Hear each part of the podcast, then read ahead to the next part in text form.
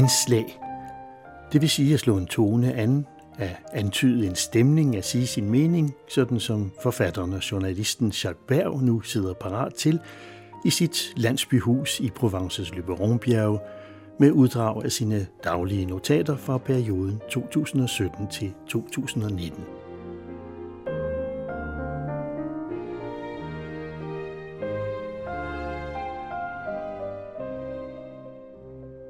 Hvad ønsker du dig til jul?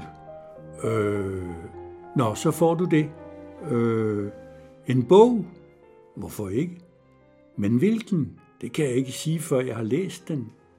En flaske Lagavulin lagret i 35 år. Ak, jeg drikker ikke længere. Et halstørklæde, det 17. af slagsen. Et slips, der, det kværker.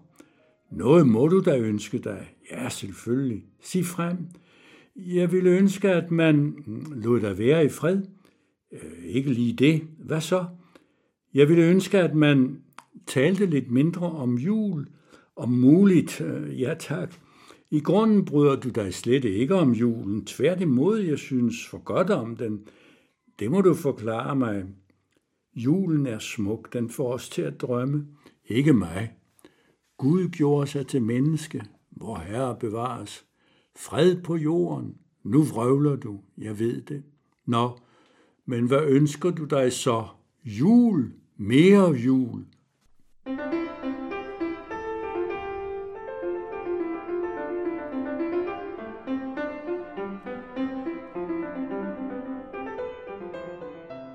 En økologisk politik, og mens vi er i gang, en politisk økologi. Hvorfor ikke cirklens kvadratur, nu vi er i gang? Vi står jo over for en geometrisk filosofisk uforenelighed. På den ene side har vi et kategorisk hele, ja, et imperativ, økologien.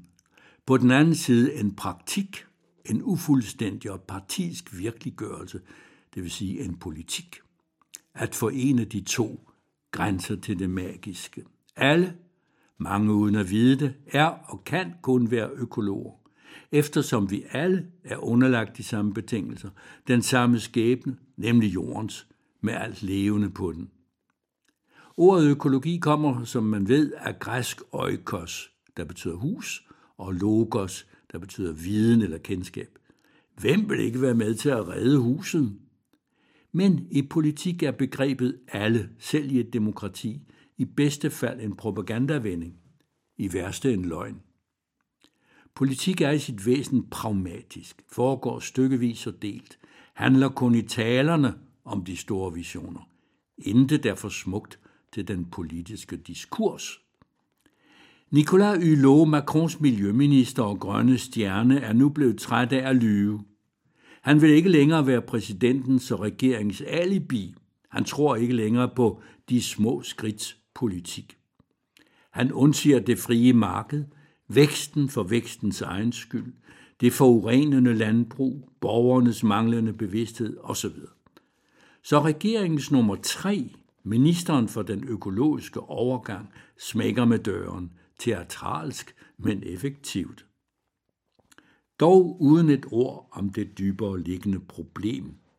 Ylo er som alle sine forgængere på posten et offer for sine egne illusioner, langt mere end for et komplot af lobbyister, jæger og andre, end sige for en halvlunken støtte fra præsidenten.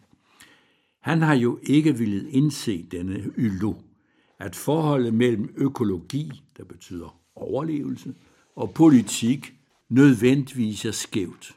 Usandsynligt endda. Ikke før han sad på sit ministerkontor og fik virkeligheden tæt ind på livet. I stedet for at udnævne en minister for økologi, burde man danne en hel regering af økologer, hvor alle ministre hver på deres område og med deres midler virkede for nationens overliggende interesse at redde jorden og dens arter. Ingen social eller økonomisk reform skulle derfor lov til at se dagens lys, hvis den ikke var forenlig med den højereliggende økologiske målsætning. Einstein sagde, vi finder aldrig en løsning på vores problemer ved at gå ud fra den tænkemåde, der har skabt dem.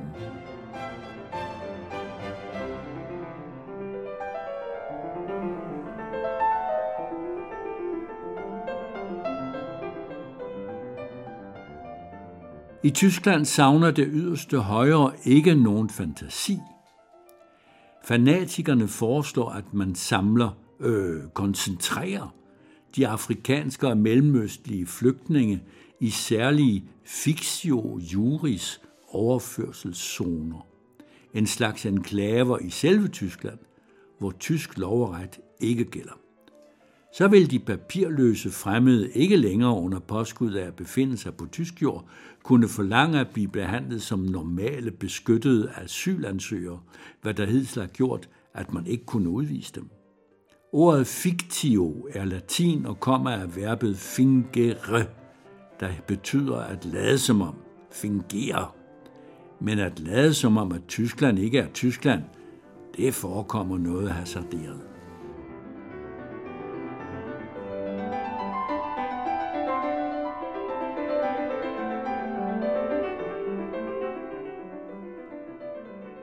L'Arche de la Défense er en bygning i det parisiske forretningskvarter La Défense.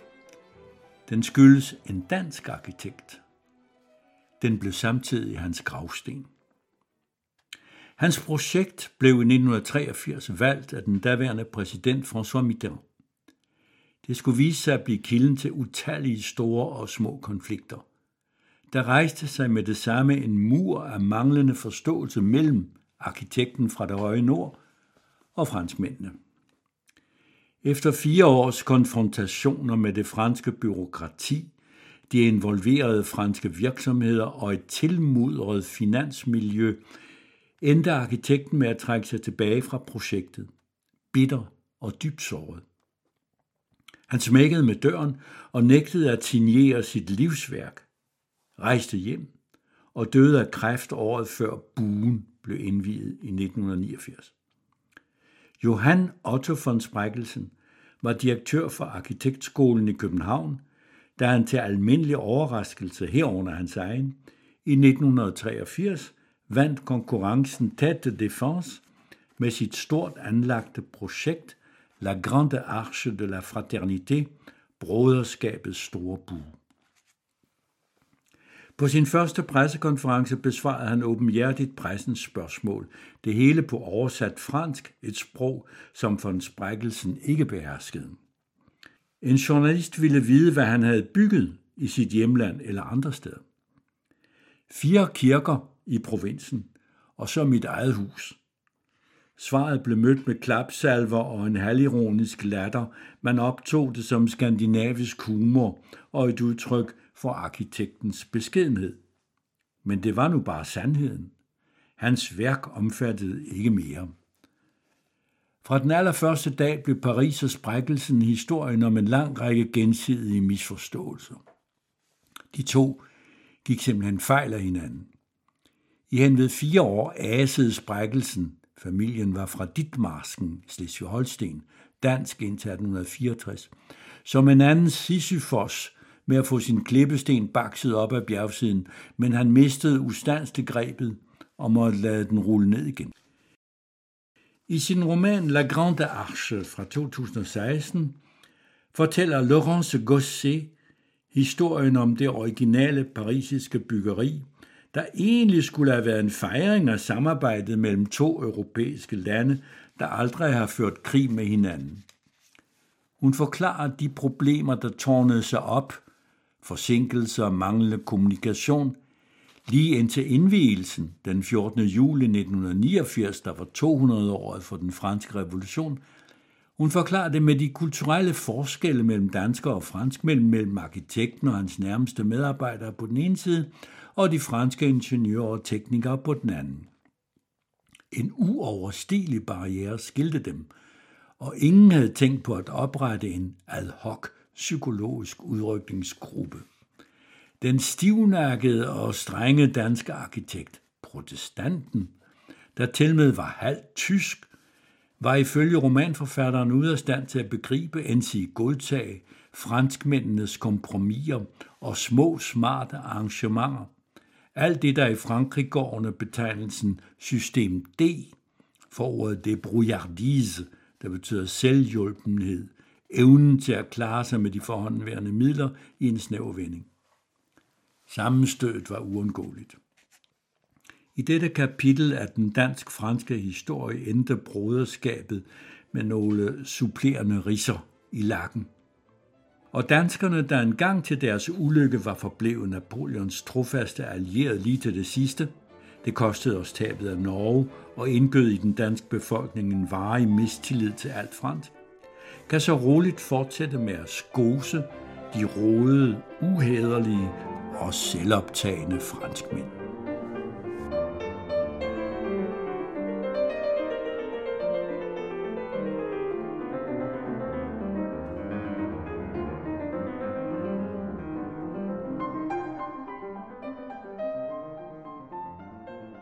En fransk parlamentariker citerer Jaurès. 1789 gjorde den franske borger til konge i sit land og slave på sin arbejdsplads. Det står stadig til troende, skønt både borger og slave ser lidt anderledes ud i vore dage. Den førstnævnte ligner mere en forbruger, den sidstnævnte en robot.